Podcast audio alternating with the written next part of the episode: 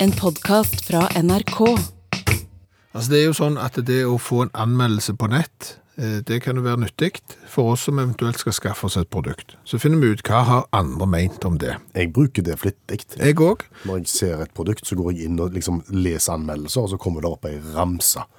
Men av og til så, så føler jeg at det er litt eh, Ugler i anmelderiet. Ja, det er, er noe i måsene, Ja. eh, for å si det sånn. Og, og du lurer på, har butikken her anstrengt seg spesielt mye for å prøve å lure oss, eh, eller eh, bare bryr de seg ikke? Har du dukt over et uh, godt eksempel? Jeg, jeg syns det sjøl. Ja. Altså, med fare for nå for å, å snakke stygt om Mo i Rana, og at uh, Vi skal ikke snakke stygt om Mo i Rana. Nei, hva heter de som bor i Mo i Rana, da? Mo i Nei, jeg vet ikke. Den klarer jeg ikke. Nei, ikke jeg heller. Moere i Rana. eh, Det er mulig de er sykt opptatt av møbler, altså. I Mo i Rana. Ja, men det er ikke det, det, Og hvis det er det, så har jeg kanskje bomma, men, men jeg har vært inne på en møbelbutikk. Ja, Eh, som da selger selvfølgelig møbler. Det er jo det mye møbelbutikker gjør på nett. Eh, og så kommer du da til anmeldelsessida. Ja. Og der står det, hvis du vil finne mer ut om kvaliteten på møblene våre, kan du bare spørre noen av våre 50 000 pluss fornøyde kunder. Såpass. Ja, og så kommer anmeldelsen nedover. Ja. Eh, Mia fra Mo i Rana eh, synes at det er veldig god service, og at kvaliteten det er perfekt. Før Louise fra London synes det er god service og gode produkter. Både Mo i Rana og London. Ja, og Leo fra Preston, han er veldig eh, imponert over det han har fått for pengene, kvaliteten for pengene. Før Natasha fra Mo i Rana eh, synes at det er rask levering og et bra produkt. Så har du Lauren fra Mo i Rana, som også synes at dette er bra. Før Matilda fra Bristol og sier at hun er fornøyd. Før Peter Gregory fra Mo i Rana og synes at dette er helt utmerket. Mye innflyttere er opptatt av møbler i Mo i Rana, tydeligvis. Jo, men altså, Millie fra London synes det er perfekt. Så kommer Jasmin fra Birmingham, hun synes det er flott. Nicholas fra Mo i Rana. Så har du Katelyn fra Chester, eh, Archie fra Mo i Rana, Melissa fra Belfast, Sienna fra London, Henry fra Norwich, så er det Tom fra Mo i Rana. Og, og det er klart, der burde jo potensielt være flere kunder i London og store byer i England, men det er tydelig her at det er Mo i Rana som er denne møbelbutikken. møbel, ja, det, det, det er der de har kjernepublikummet sitt. Alt. Det er liksom, jo, vi har satsa bra i London, og vi har satsa brukbart i Birmingham, men det vi har lagt fokus her nå, og satsa, det er Mo i Rana. Ja. ja. Skal du svindle, så kan du ikke gjøre det med litt stil, da. Jo, Altså, Det er jo bare å skifte by, så ser det jo troverdig ut med en gang. Hvis du hadde en fra Mo i Rana, en fra Narvik, en fra Kristiansund, og en fra Sykkylven. Da kunne du tok en fra Oslo òg, som Ja. er en relativt eh, stor by. og så er de, begynner jo å lure på om det er veldig mange engelske navn i, i Mo i Rana. Om egentlig Mo i Rana er litt som eh, Sørlandet med Lista og, og Kvinesdal og sånn, der de heter Klint Klint. Ja.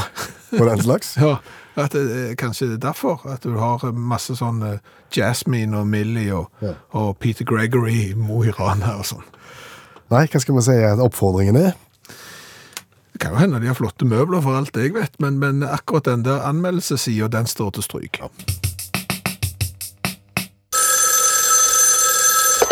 Hallo, ja. Hallais, Klingsheim. Hei, Stavanger-smurfen.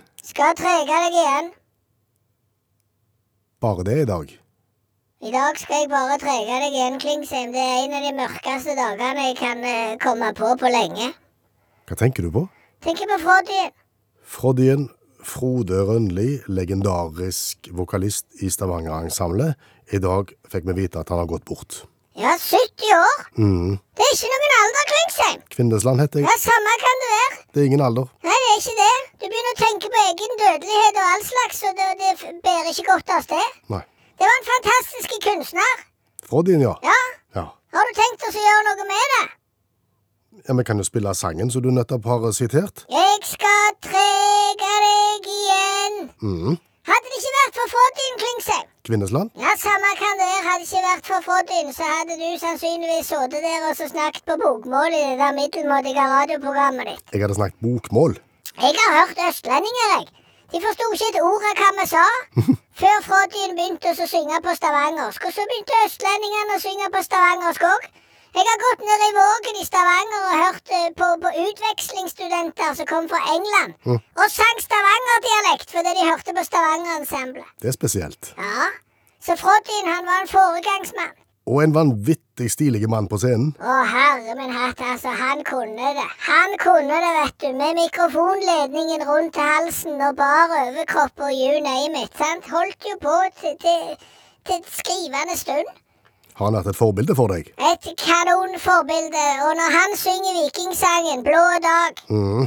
da føler jeg at han synger til meg. Han treffer meg rett i hjertet, Klingsheim. Og at vi nå har mista noe sånn Mhm. Det er mye annet vi kunne mista. Jeg kunne ramst opp i fleng ting det ikke var så viktig med. Men når vi mister sånne bautaer som Frodien, da kjenner du på det, Klingsheim. Ja, vi gjør det. Nå skal jeg ikke rette deg på navnet engang. Hva var det nå vi snakket om? Skulle du rette Hva er det nå? Bare, bare ikke tenk på det. Gå videre. Kan ikke gå videre nå. Nei. Nei. Det her er en trist dag, og, og nå tar du og spiller den der trege deg igjen. Mm. Og så reiser vi oss. Ja, Med mindre du kjører bil, da, for det er ikke bra. Nei. Men vi andre vi kan reise oss og gi en hyllest til en av de største scenekunstnere noen, Norge noensinne har sett. La oss gjøre det. OK, Ha det godt. ha det. Jeg sa jo du var skjønne, men du fant en annen venn. Du skal flyge og bli grønna, jeg skal trøge deg igjen. Jeg skal trøge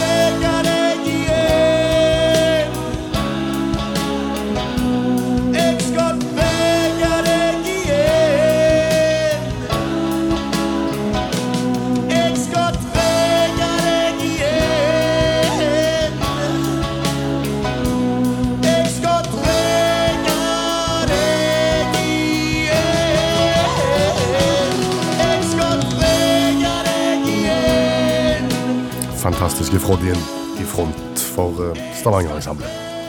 Og for å presisere dialekten, trege deg igjen betyr at du skal få angre. Jeg skal få deg til å angre. Og jeg føler at det nå er tid for å snakke kundeservice igjen. Vi bedriver kundeservice med. Eh. svarer på mailer og SMS-er og Facebook-innlegg og Ja, bevare oss, men vi har jo også snakket en god del om kundeservice og opplevelse av kundeservice der oh, ute. ja, sånn ja. Ja. Å, det var ikke vår kundeservice, nei. Det var hvordan vi opplever kundeservice. Mm. Kan vi ta en ny runde? Er det? Absolutt. Ja. Det er en utømmelig eh, godtepose, det. Ja, det er det. Det er nemlig et fenomen som jeg ikke forstår. Eh, prøv å eksemplifisere. Hvis jeg sender deg en e-post Ja. og stiller deg et spørsmål, og så svarer du prompte på den ja. med et nytt spørsmål til meg, ja. er det ikke da naturlig at jeg da svarer prompte tilbake igjen til deg? Det er veldig naturlig. Ja. Ja. Hvis du stiller et spørsmål til en, la oss si, en sånn en gigant der ute som du kan kjøpe klær hos, for eksempel, eh, og da, du har fått noe feil i pakken, og så må du skrive til kundeservice. Ja. Så skriver du en mail, og så står det, får du kjapt svar at vi har ca. tre dagers behandlingstid, så dette tar litt tid. Ja. Greit nok, jeg har tid. Ja. Så går det tre dager, og så får jeg en alle tiders hyggelige mail, som gir meg egentlig svar på nesten alt, men i veldig fin tone, og jeg føler meg ivaretatt og sånn. Men så er det da det siste spørsmålet jeg ikke har fått svar på.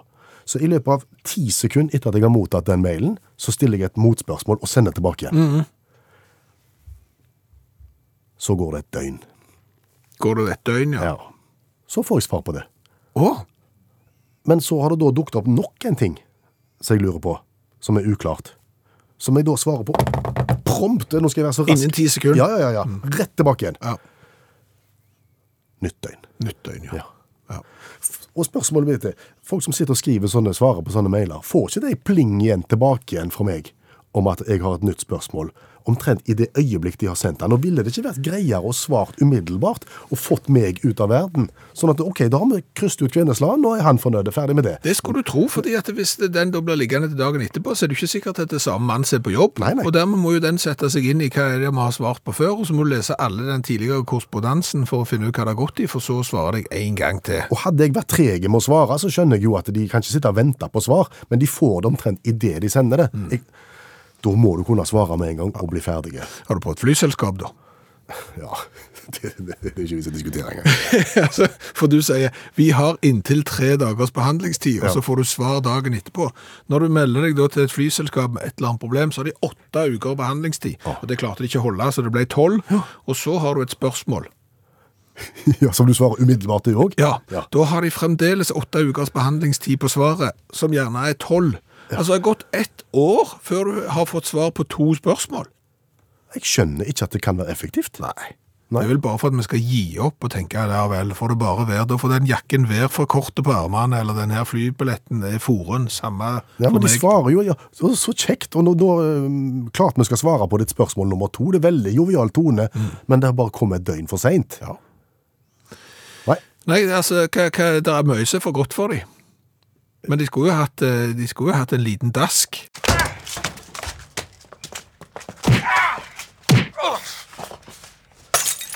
Den grundige eh, journalistiske jobben vi gjør i forbindelse med forbrukerjournalistikken, Ja, den er jo ofte litt smale. det kan du si. Ja, han, han gjelder gjerne ikke så mange, han gjelder kanskje ingen faktisk, av og til. Men han er kanskje nyttig allikevel, fordi at det, hvis du kjenner deg igjen i premissene, så kan du kanskje unngå å gå i den fella i framtida. For liksom, å ja, jeg husker Utakt snakket om det når du er på vei ned den veien der, og det, før det er for sent å snu. Ja, nettopp. Ja. Skal vi snakke om den natta du gikk av hengslene? Det skal vi. Ja. Ja. Eh, fordi at eh, her er en natt, ja. Ja, det høres ut som. Men, men, men vi jobber jo av og til ganske begynner sent på dagen, så da er det jo kanskje litt vanskelig å komme seg i seng. Så, så klokka var jo passert midnatt, eh, og jeg hadde ikke lagt meg. Eh, Ut forbi står katten og skraper på eh, terrassedøra. Vil inn. Glassdør, ja. Sånn ytterdør. Står. Ja, det var dårlig skrapelyd, men han sto og skrapte. Så åpner jeg den, og da merker jeg at terrassedøra, den tar litt ned i kanten Oh. på den ene sida. At du er litt vond å få opp. Ja, så han blir litt tung, for liksom han skulle har vært tippet bitte litt. Og, og det har du sikkert opplevd sjøl òg, at noen dører tar litt borti og sånn. Ja, det skjer gjerne i vått vær. Ja, Men, og innedør for eksempel, har sant, litt trang i karmen, så ok, hvis du tar litt tak i døra, og så bikker du den litt, sånn at du får trykt den litt inn i karmen, så, så er den eh, fin etterpå. Så det tenkte jeg, la meg nå gjøre det der med terrassedøra. Så jeg tok et tak nede i underkanten, og så tok jeg så høyt som jeg klarte med venstrehånda, og så bikket jeg til. Og klokka var, sa du? Eh, Da hadde han passert eh, tolv med cirka ti minutter. Ja. Ja. Hva skjedde? Eh, Da dro jeg hele døra av hengslene. Ja, du gikk ja, nettopp, ja. Ja. Så der står du, katten er sluppet inn, Katten inn, ja. ja, men du står med døra i hendene. ja. Løfta han av de der, det heter det hengsler? Ja. Løft, løfte han av hengslene, for det er et sånn innedør. De klarer ikke jeg å løfte, for de er jo liksom lagt på en annen måte, i hvert fall hos meg. Så der har det jo alltid funket med å ta tak og så skyve han litt. Lite visste jeg når jeg gjorde det samme, at jeg klarte å løfte av hele døra. Og han er sykt tung! Ja. Og det er tre hengsler. Akkurat. Og så skal du da prøve å bakse dette her. Eh, Sånn eh, i kvart over tolv-tida på kvelden, så skal du prøve altså å bakse dette på plass. Eh, hvordan er været? Det er regn. Ja, det er pøsregn. Ja. Ja. Eh, Det jeg, pleier å gjøre da, da pleier jeg å bruke vristen, og så holde på en måte under døra, og så justere opp og ned, mens jeg sikter meg inn på de pinnene som jeg skal treffe i karmen. da er du på innedør. Da er jeg på innedør. Ja, Da er du på en sånn tunn innedør som er lagd av papp og kledd med noe eh, hvitt på utsida. Ja. Dette er ei ytterdør. Han er blytunge. Jeg er jo ikke i stand til å kunne løfte han. OK, ned i kjeller, ned i garasjen, finne noen trepinner og sånn, og så lager jeg meg en, ei vippe. Sånn at jeg liksom kan trykke ned, og så bruke min egen vekt til å løfte døra opp, og så prøve å få den i, i høyden. Klarer jo ikke å få til dette, vet du. Er, er du ikledd pyjamas på dette tidspunktet? ikke så gale, nei. Men, men, men det bråker jo litt. Ja, Viser det seg dagen etterpå. Men jeg får den ikke på plass. Og der står du, klokka nærmer seg halv ett. Og du kan jo ikke bare liksom si nei, fikk det ikke til.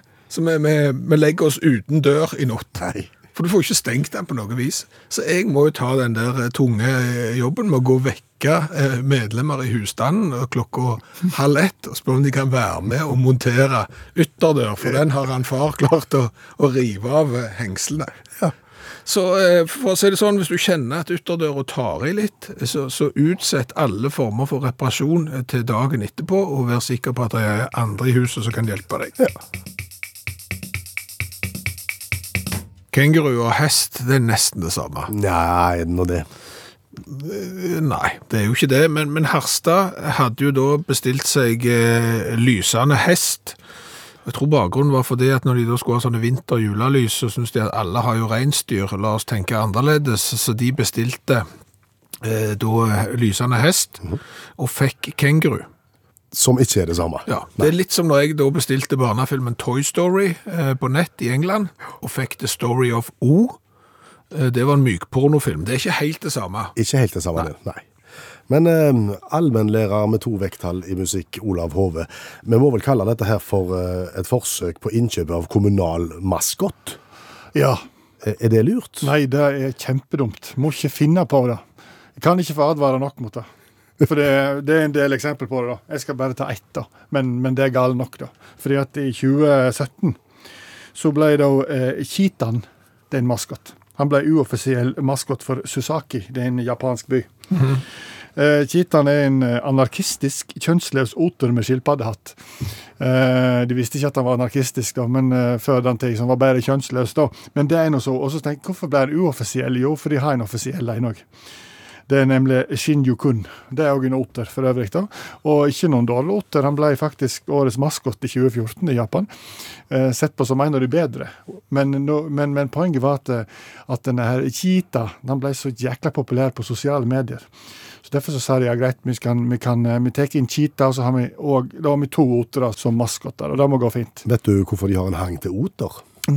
Nei, fordi at det, det blir verre, skjønner du. Fordi at eh, problemet da var at, eh, at i to år før så hadde Susaki utnevnt en, en, en småkloa oter som æresturistambassadør. En sånn ekte oter, altså. Den het òg Kita, så da hadde de plutselig en æresambassadør som var oter, Plutselig hadde de to andre otere som var maskoter. Så begynte problemet, fordi at eh, med, med alt dette greiene her, så måtte de ha en egen ansatt. De var ansette ansatte en kommunal eh, maskotansvarlig for å skulle holde støy på de tre maskotene. Het han òg det samme? Nei, han heter ikke det samme. Men så begynte han Chito, han han anarkistiske oteren, uh, kjønnsløse, og, lage litt sånn dårlige videoer på YouTube. Litt voldelige videoer der han banker opp andre maskoter. Dette medførte at det ble en del eh, klager på gladvold blant maskotter, og kommunen måtte ansette en ny mann som kun tok seg av YouTube-relaterte spørsmål relatert den uoffisielle maskotten. Så ble den, den turistambassadørmaskotten syk, og mange mente at det var pga. at den nye hadde kommet inn og laga jævelskap. da. Men han fikk jo 960 000 følgere på Twitter, og, og posta i 15 forskjellige land. da. Og Dette medførte jo at det ble utrolig mye pes eh, fra eh, folk, så dermed så måtte de ansette en SoMe-ansvarlig for maskotter i Susaki. Og Da var vi oppe i tre ansatte som kun tok seg av maskotrelaterte spørsmål.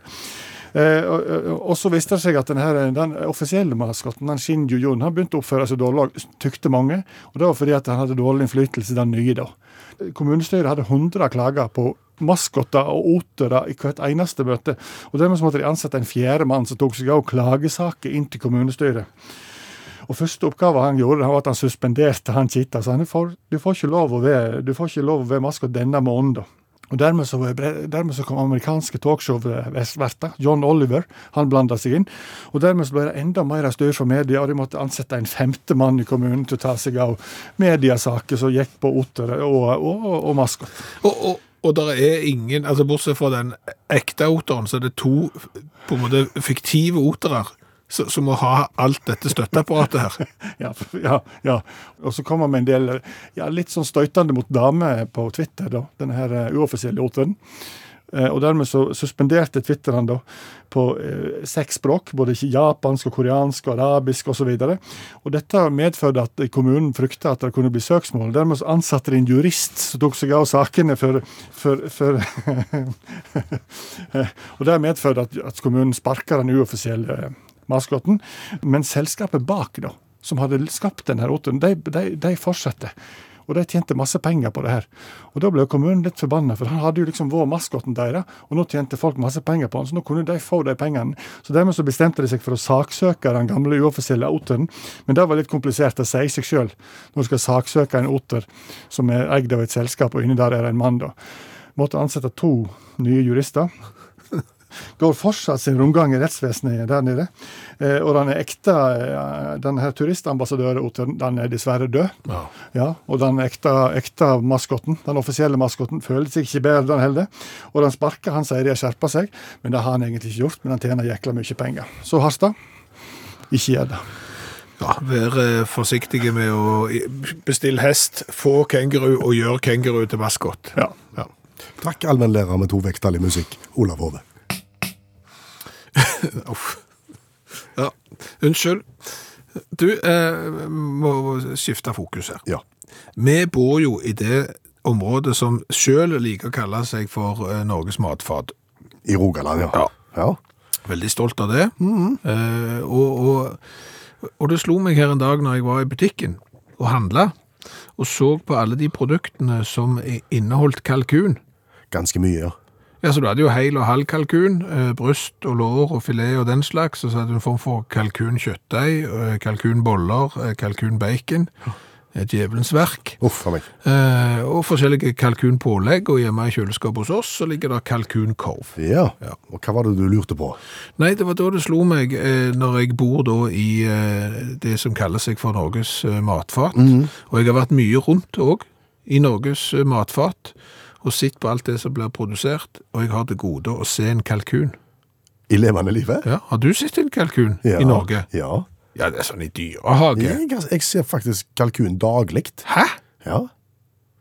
Har du Jeg har, ikke, jeg har ikke egne dresserte, nei. Nei? Men jeg sykler forbi en liten sånn uh, gårdsting, og der går det to og tusler i tunet. Og, de, og de er ikke pene, det kan jeg si. Nei, nei, nei, men det er sikkert Det er jo bare sånn for skøy, Ja, det er høner, og det er haner, det er gjess, og det er kalkun. Ja. De lager litt sånn gøy lyd. I, I tegneseriene så sier de goble, goble av en eller annen grunn. Men, men er, det, er det ikke litt rart? Altså, jeg har vært i hønsehus, jeg har vært i grisehus, og vært i forskjellige former for fjøs. Vi har til sågar, eh, du og meg, vært ute og frakta struts. Det har vi. Sant? Vi har sett mye av, av landbruket, men vi har til gode, da, bortsett fordi du sykler forbi, å oh. se eh, kommersiell kalkundrift. I matfatet. Ja. Hvor er kalkunen, da? Nei, det var jo da jeg måtte begynne å, å, å researche litt. For liksom, hvor kommer alle disse her kalkunpåleggene fra? Ja. Eh, I Norge er det rundt 50 kalkunbønder. Og hvor bor de hen? De, de fleste er lokalisert på Østlandet. Ja, Der har du jo forklaringen, da, på hvorfor Nei, det er jo ikke forklaringen det. Det er jo bare, kommer jo et ytterligere et spørsmål. Hva da for? Hvorfor de bare er der, og ikke på Østlandet eller i Trøndelagen. Eller Ja, altså, hvorfor er det sånn at kalkun kun trives på Østlandet? Liksom? Altså, hvis de kommer vestover, så, så mistrives de og begynner å henge med nebbet eller et eller annet. Og, og er det sånn at de blir ekstra kalde kuner hvis de drar lenger nordover? Eller Iskalkun, får du da. iskalkun? Eller Ja. hvor langt sør må du ha før du har en kalkun blir en varm kun? Eller jeg vet ikke, men jeg syns jo det var litt eh, rart. Det slaktes eh, I 2019 ble det slakta litt i overkant av 800 000 kalkuner i Norge, og vi har ikke sett dem. Det var ikke mye, syns jeg. Er ikke det mye?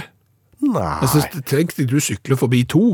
ja, ja, Hiv, hiv 798, eh, 99 998 kalkuner til, så har du en bunke. ja, men du har jo da julemåltid, og du har nyttårsaften, ikke minst, som er kalkunmåltidet. Ja. Og så alle de der påleggene du snakker om. Men OK. ja. Men baconet Nei, nei det, det, ja, bacon. Kalku, Kalkunbacon. Nei, vet du det, det, det, der, det, må, det, må, det, kan, det kan godt selges, men ikke kall det for kalkunbacon. Du lurer ikke oss. Husker du jeg var i Dubai? Det har, det har vært nevnt. Den eh, gratisturen der har vært nevnt, ja. Ja. Da var det en, en som var med oss der, som ville ha bacon til frokost. Ja. De driver jo ikke med bacon De er ikke så sterke på svin der. Nei. Nei. Så han spurte jo på engelsk om, hadde, om de hadde bacon. Nei, det hadde de ikke, men de hadde turkey ham. Det kunne han få. Ja, det samme for han om de kom fra Tyrkia. Han tok det, tok det for det. Det er lenge siden eh, du og meg har skrevet norsk stil. Ja, det begynner å bli noen år. Ja. Men da var det sånn at enten så kunne du analysere dikt, Ja. ja. Eller så kunne du drøfte en påstand. Valgte du dikt eller drøfting?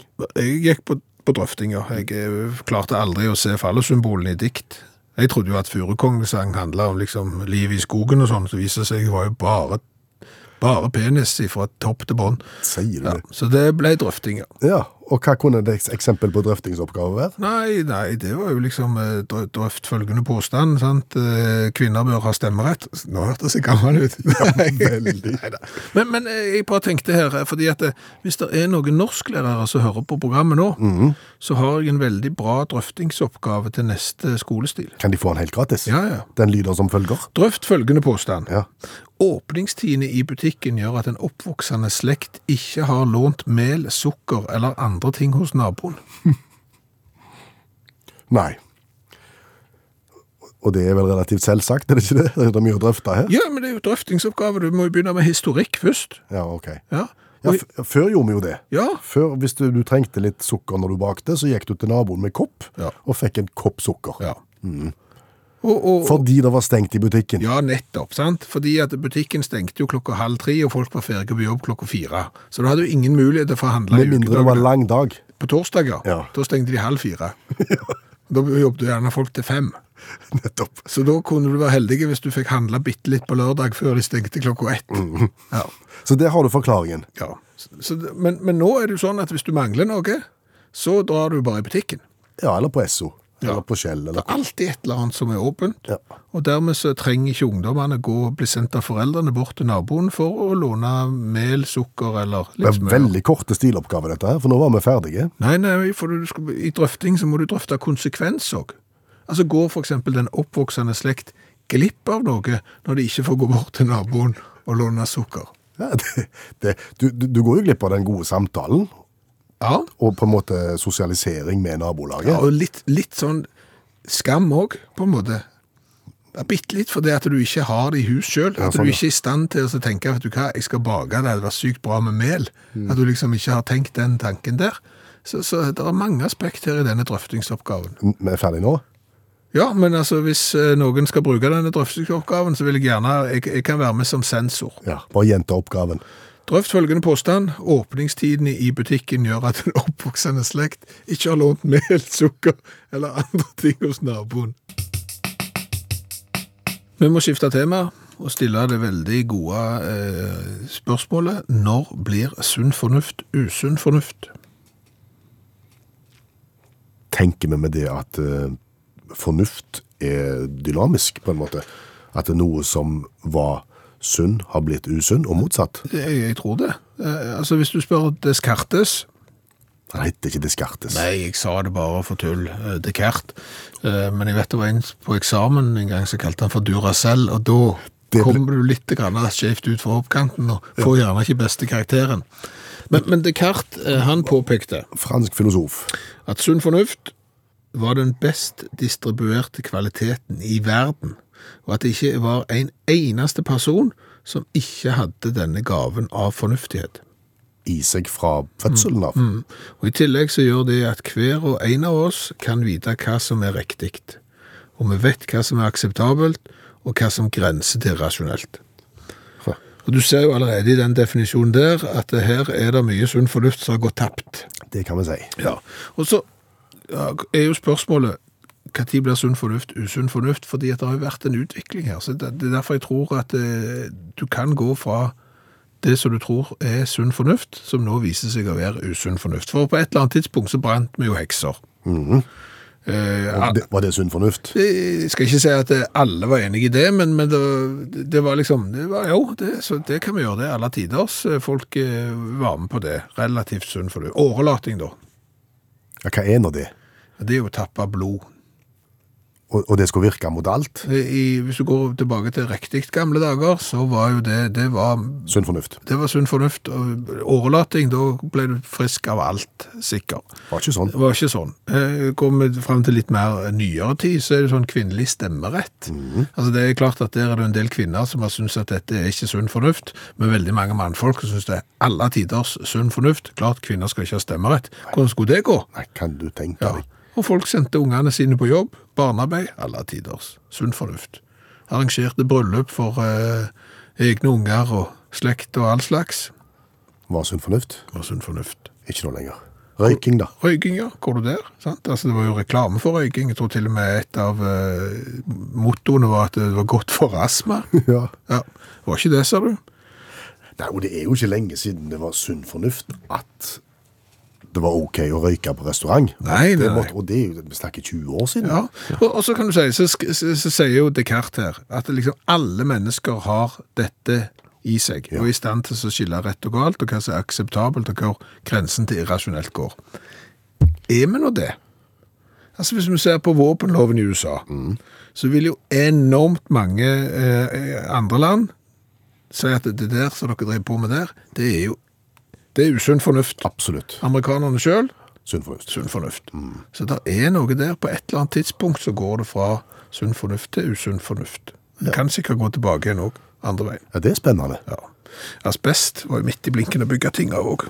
Det? Ja. Alt, alt du kunne bygge av asbest, det var veldig godt mot eh, ja, hvis du skulle ha peis og sånn, så få satt opp noe asbest. Få det på taket. Flott. Tenker du bare tidsspørsmål når asbesten er tilbake? Deutschland, Deutschland, über alles, über alles in der Welt. Ja. Det er tysk cola, det skjønte du kanskje? Det skjønte jeg. Ja, eh, den har vi fått av Lena. Eh, hun skriver det at dette er kanskje den hippeste og mest korrekte colaen som er å oppdrive. Han er både vegansk og økologisk. Flaska er kjøpt i breven i den tyske butikkjeden DM, og det står for Drogerimarkt, og er da eh, en av Europas største sånne apotekkjeder, og de eh, selger helsekost og husholdningsprodukter, helseprodukter og kosmetikk og drikkevarer tydeligvis. Apotek og cola? Ja. Har vi vært borti det før? Eh, Jeg tror ikke det. Nei, og vi har jo snakket på 360 cola-varianter. Minst. Og denne her colaen da er laget av økologisk guarana. Det høres ut som et lite dyr du har i bur. Kom, skal du se på guarana? Se, så søt han er. Ja, ja, kom an. Kom an nå. Eh, Jeg måtte også søke opp hva det var for noe. Det er en kry, guarana, en krypende busk. Oh. Jeg vet ikke hvor han kryper hen, men eh, hjemmehørende i Venezuela og Amazonasregnskogen i det nordlige Brasil. Og fruktene er små med lysere farge og inneholder svarte frø, og nå kommer det viktige her. Guaranafrø inneholder 4-8% mer koffein enn kaffebønner. Oh. Og den her da er ikke tilsatt koffein, men han har fått koffeinen sin fra disse herene guarana-bærer. Men da er jeg nesten på sånn energidrikknivå da, i koffeinstyrke. Det er jeg litt usikker på. De skriver her, dette her er apotekkjeden, eh, med naturlig koffein, ja, fin syrlig smak, med søte og syrlige toner i fullstendig resirkulert flaske. Ja. ja beskriv flaska. Trist. 033. Nei, det er 043. Å, Ja. Plastflaske eh, som ser ut som alle andre plastflasker, med et gjennomsiktig magebelte, der det står eh, Guarana Cola, som er noe dekor som ikke helt klarer å skille. Jeg tror jeg må legge ut et bilde på den Facebook-gruppa som heter Utakt for A-fans. Det er en sånn Facebook-gruppe som du som liker utakt eh, er med og driver. Så kan dere se og gjøre opp dommen selv, for det der er ikke lett å beskrive. Nei, men skrukork. Skrukork. Og litt kullsyre hørtes det ut som òg. Ja. Og bare si med en gang at jeg har et lite handikap i dag, såpass forkjølt at smaken er mm, ganske redusert. Ja, men da eh, kan min stemme telle dobbelt. Det er presidentens dobbeltstemme. Du kjente litt av den der er syrlige lukta. Kan du kjenne syrlig lukt?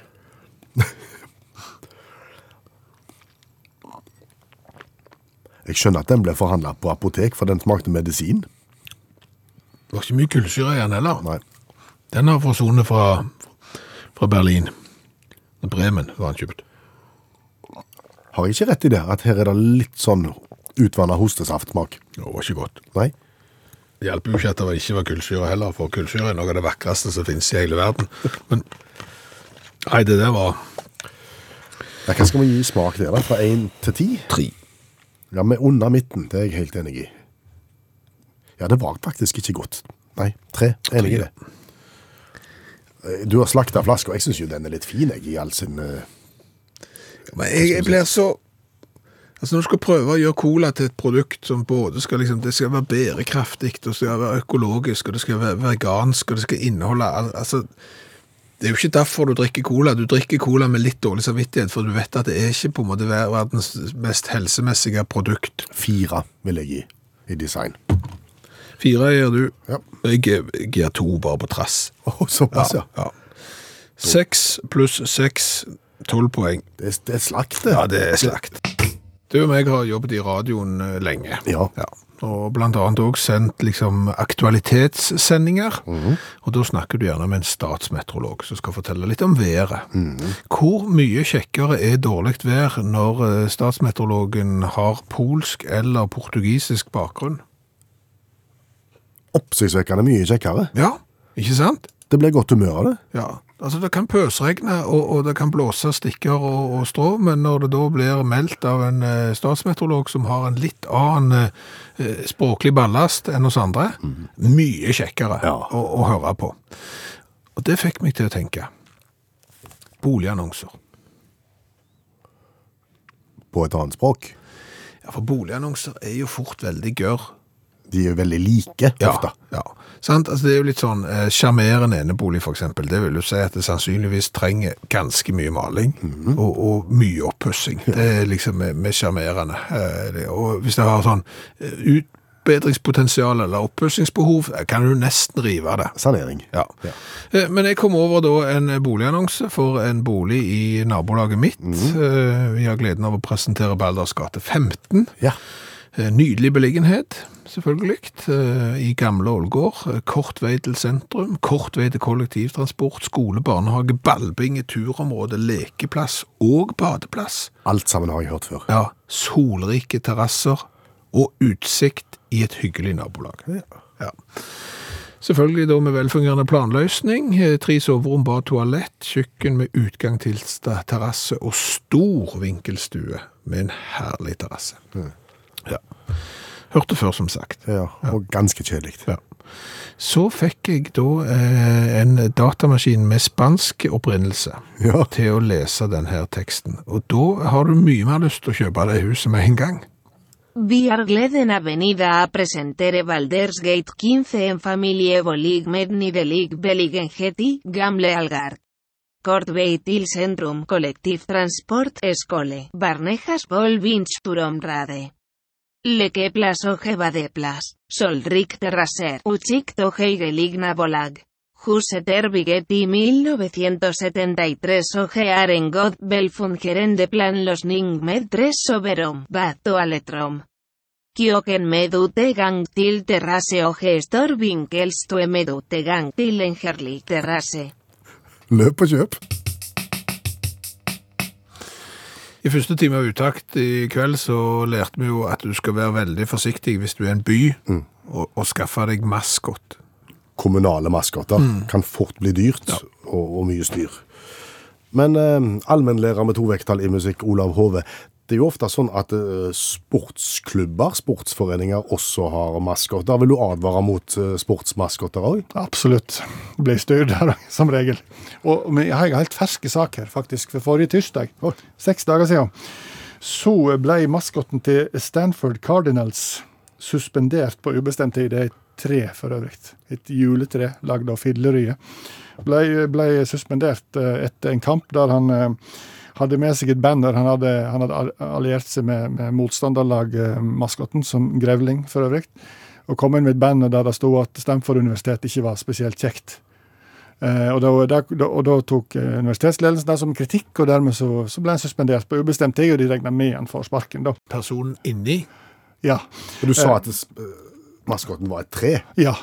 Og det er egentlig ikke laget det er egentlig, det er egentlig korpset til fotballaget sin, sin maskot, men har blitt voldsomt populær, sier seg sjøl. Et juletre lagd av fillerøye, det er jo ikke, det er jo uslåelige greier, da. Men iallfall nå er han ute, da. Eh, og da har jo NMA, National eh, Mascot Association, de mener jo, de som de sier òg, at, eh, at maskoter er òg mennesker, eller, eller tre. Eller Et eller annet er de. Så Inni er vi alle like. ja, på et eller annet vis. Så er en det. Og de mener at eh, maskoter må òg ha ytringsfrihet. da.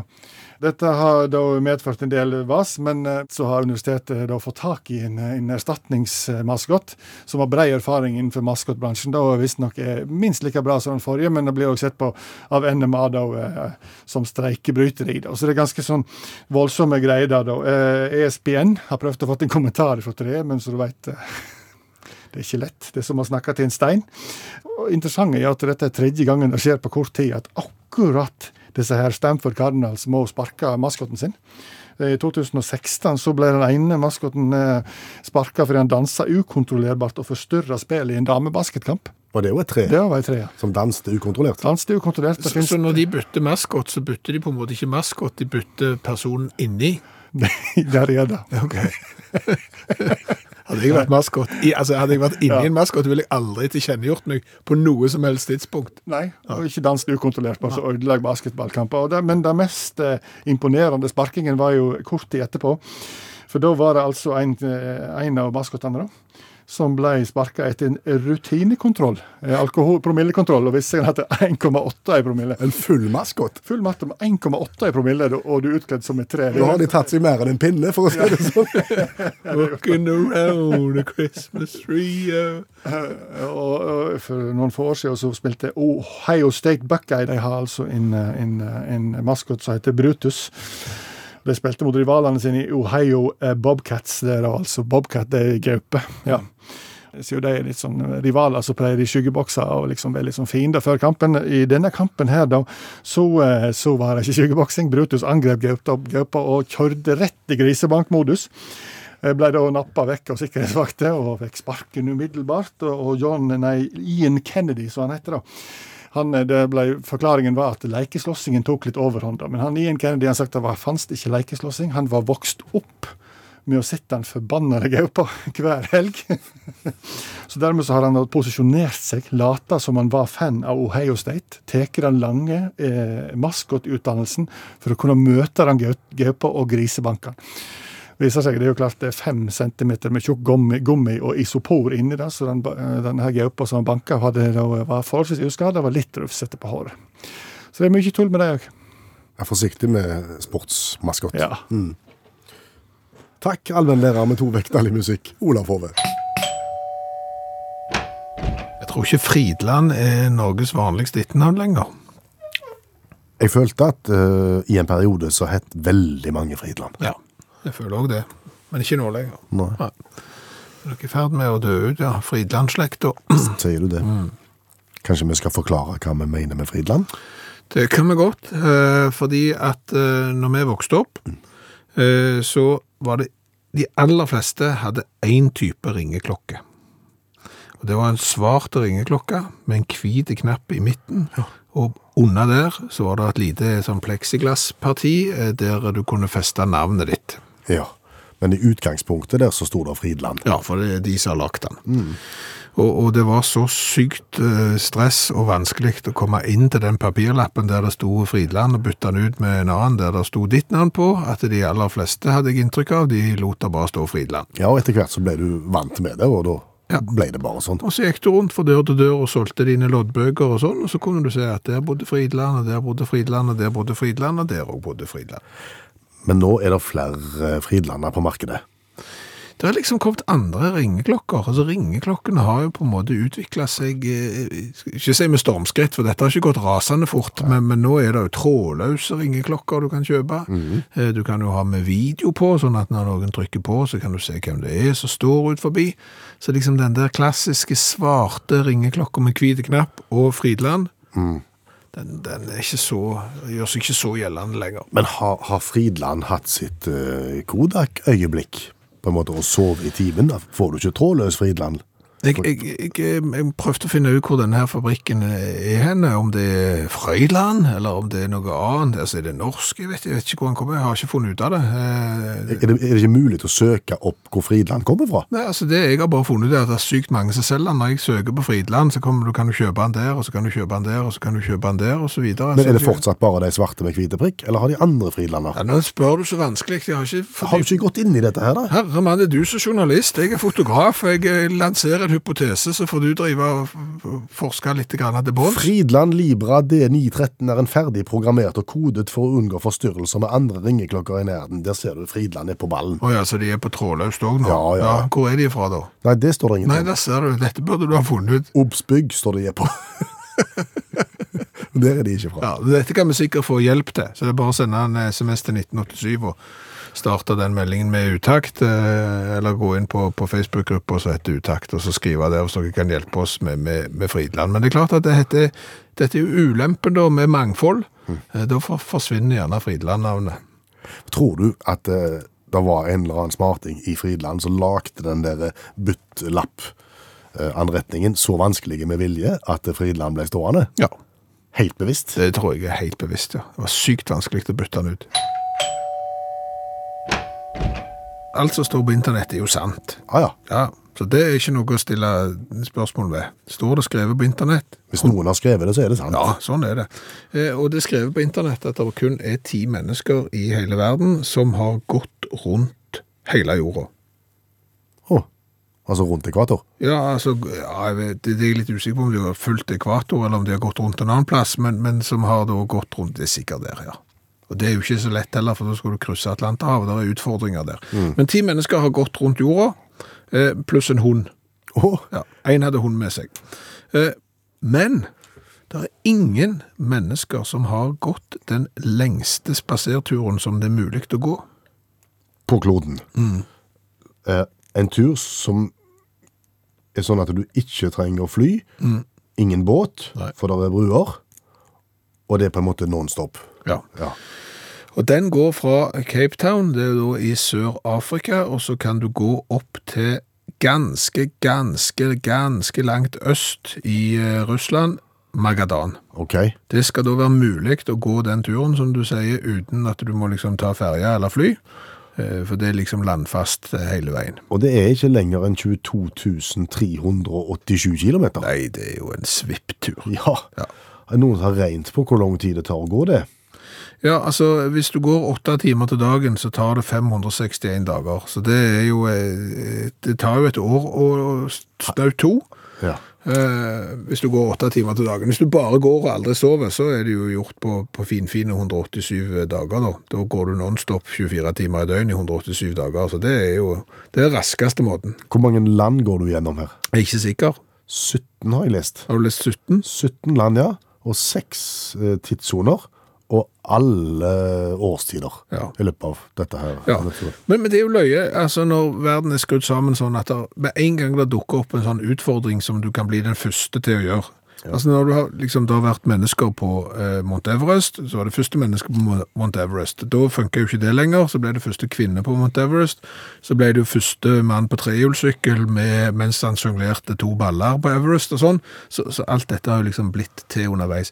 Og når ingen da har gått denne lengste turen som er mulig til å gå uten at du må ha hjelp av eh, fly eller båt, så er det jo rart at ingen har gjort det. Det er bare et tidsspørsmål, tenker jeg. For, Ja, men- nå, for den her som jeg leser nå, som jeg har funnet på internettet, den går som en farsott, den nå. Ja. Den blir delt og delt og delt, og da er det alltid en som tenker 'jeg skal'. Ja, men bare vente bitte litt, for du må gå, inn i, du må gå i Russland, og det gidder du ikke, for å si det sånn. Det, det, de kan bare ha det så godt. Så du venter en stund. Gjør det. Og så er jeg ikke sikker på at det er sånn rød TR hele veien. Nei, sånne fra turistforeningen, nei. Nei, det er bare et stykke fra Cape Town og ut, og så forsvinner de. Vi konstaterte vel allerede for et par uker siden at vi hadde malt oss inn i et hjørne med, med neste programpost. Som vi har valgt å kalle NIP. Ja. Nederlandsk instrumental P1-vennlig progrock. Ja. Oppsto med en tilfeldighet når vi spilte et band som heter Fokus. Og så kom det jo da øh, flere meldinger inn. Mange satte pris på dette her. Og viste at det er jo en åker der ute av den type musikk som det går an å høste i. Ah, det er ikke veldig, det er ikke den største Det er ikke i verden. det er ikke en frodige. Nei, det, det, er, det går an å høste, men, men det, det er vanskelig å finne de beste plantene. Nettopp. Ja. Men eh, vi, jo, vi får jo hjelp, da. Ja, ja, vi får jo tips eh, til å finne nederlandsk instrumental P1-vennlig progrock, eh, og har klart i dag òg, ved hjelp av bandet Exception. Ja, hva vet vi om Exception? De var jo selvfølgelig da nederlandske, ellers hadde de ikke vært med i denne spalten. Hadde sin storhetstid på slutten av 60-tallet og i begynnelsen av 70-tallet.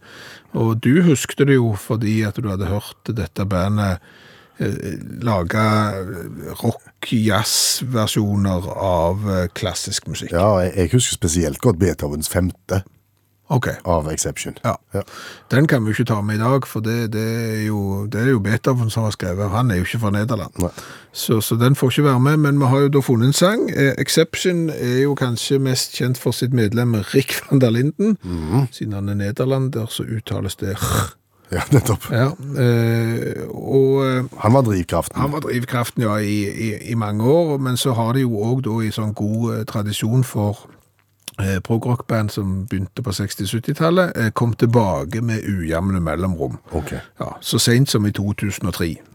Men van der Linden han er ikke lenger blant oss, han forsvant i 2006, så nå er det El Krogen på døra for Exception. Men vi har funnet verket Virginal. Nederlandsk instrumental P1-vennlig progrock. NIP.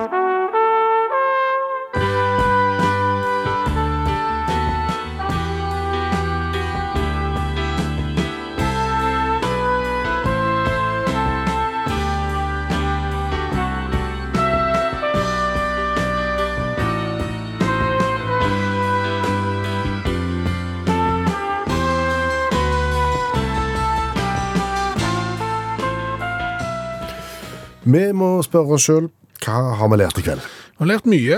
Jeg har bl.a. lært at eh, svært mange i Mo i Rana er opptatt av eh, møbler på nettbutikk.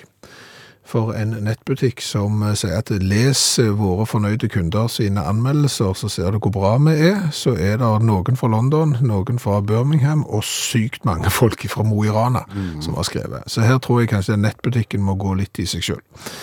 Eh, Så har vi jo lært det at eh, vi for, for skjønner fremdeles ikke hvordan kundeservice er bygd opp. Nei, for du kan sende en eh, e-post til kundeservice, og så går det tre dager, så får du svar, og så svarer du prompte på det, sånn at kundebehandleren antageligvis får inn den mailen i løpet av de neste 15 sekundene, men likevel så velger vedkommende å vente et nytt døgn på å svare. Skjønner ikke hvorfor det ikke er greit å bli ferdig med det. Og flyselskap, de er enda verre. Ja. Eh, Så har dere og du lært av meg eh, at du ikke skal begynne å justere hengslene på ytterdør eh, når klokka har passert midnatt. Nei, for du må gjerne ha hjelp, for den er såpass tung, Ja. og da må du vekke resten av huset for å få hjelp til å montere dør etter midnatt. Absolutt, ja. Så lært at det er ca. 50 000, nei 50, 50 000, ja det hadde vært mye. I Norge så er det rundt 50 kalkunbønder, Ja. og, og de fleste er lokalisert på Østlandet. Vi vet ikke hvorfor det er så kalkuntungt på Østlandet, og ikke eksempel på Vestlandet eller lenger nord. Det kan hende at eh, kalkunen ikke trives når det er kaldt, hva vet vi. Nei, altså Iskalkun er ikke det samme. Nei. Så eh, kalkunbøndene, de finner du på Østlandet. Og så har vi lært det at eh, værmeldinger lest på et språk med en litt annen aksent gjør at vi tåler mye dårligere vær. Ja. Men eh, favoritten er jo fremdeles en finsk værmelder som melder så dårlig vær at han sjøl får latterkrampe. Lämpenee. Huomenna mennään laajalti yli viihden asteen. Ja perjantaina oikeasti jo kym, kymmenen astetta vaarassa. Nämä on kyllä huvittavia nämä lämpötilat. Jopa kymmenen astetta. Mutta Du ble i godt humør. Ja, du ble det. kun Så vi lærte at eh, den lengste turen så det går an uten å ha, må ha hjelp av eh, fly eller båt, det er gåturen fra Cape Town i Sør-Afrika til Magadan i Russland. Ja, du må eksempel krysse Suezkanalen, men der er bruer. Mm. Derfor så kan du gå denne turen. Du trenger ikke båt eller fly. Nei. Det har vi lært. Da setter vi strek, som de sier i Dagsrevyen. Mm -hmm. Per Øystein Kvindesland heter meg. Bjørn Olav Skjæveland heter jeg.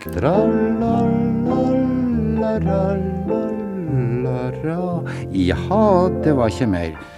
Sett nå kaffekjelen over og slapp av, og kos deg litt. Takk for nå. Du har hørt en podkast fra NRK. De nyeste episodene hører du først i appen NRK Radio.